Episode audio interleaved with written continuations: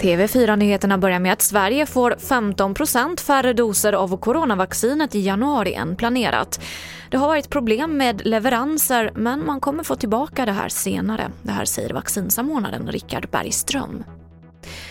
Arbetslösheten bland akademiker och tjänstemän minskar för tredje månaden i rad. Samtidigt blir de långtidsarbetslösa akademikerna allt fler. Det här visar statistik från Akademikernas a-kassa.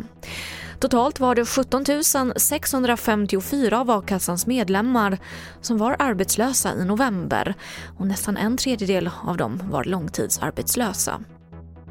Vårdpersonal i Sverige har totalt jobbat nära en och en halv miljoner timmar i övertid och mertid på Sveriges sex universitetssjukhus under de första tio månaderna av året. Det här rapporterar Ekot om. Och det är 200 000 fler timmar jämfört med förra året. Det här gäller läkare, sjuksköterskor och undersköterskor men sjuksköterskor står för flest övertids och mertidstimmar. Och intresset för ROT och RUT-avdrag ser ut att öka även i år. Störst är ökningen för IT och trädgårdstjänster. Det här visar statistik från Skatteverket som TT tagit del av.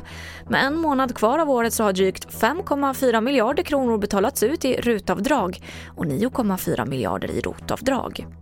Och det var det senaste från TV4 Nyheterna. Jag heter Emily Olsson.